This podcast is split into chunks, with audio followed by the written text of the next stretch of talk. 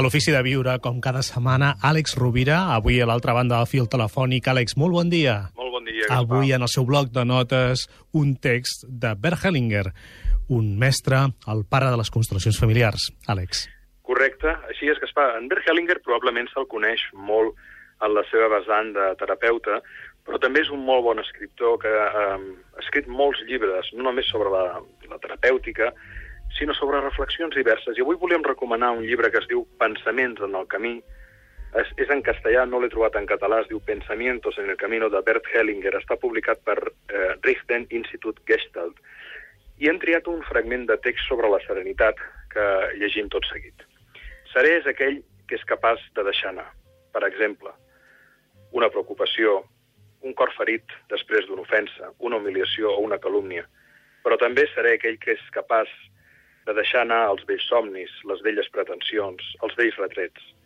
Aquell que allibera el seu cor de forma que estigui assossegat, prest i disposat per allò que és possible i per allò que ens és regalat. Seré també aquell que perdona, en el sentit de que l'ho passat ja és passat, que no guarda rancúnia. Aquesta serenitat és una força sense emocions i una disposició concentrada de l'ànima a lo que està per venir i en el moment d'aquest instant. I voldria aprofitar, Gaspar, parlant de la serenitat, per eh, enviar una abraçada i un petó molt sentit a la nostra companya Elisabet Pedrosa eh, per la mort de la seva filla. Des d'aquí que rebi el nostre testimoni d'amor, de, d'afecte, d'acompanyament en un moment tan difícil. Gràcies, Àlex. El testimoni de, de l'Àlex Rovira i també de la resta de l'equip del programa. Estem tots al costat de l'Elisabet Pedrosa.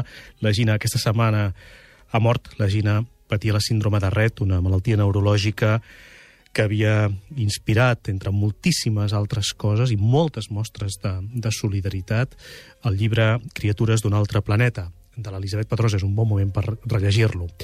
Li enviem també una, una fortíssima abraçada i tot l'amor a, l'amiga Elisabet Pedrosa. Àlex, moltíssimes gràcies. Fins diumenge. Molt bon dia.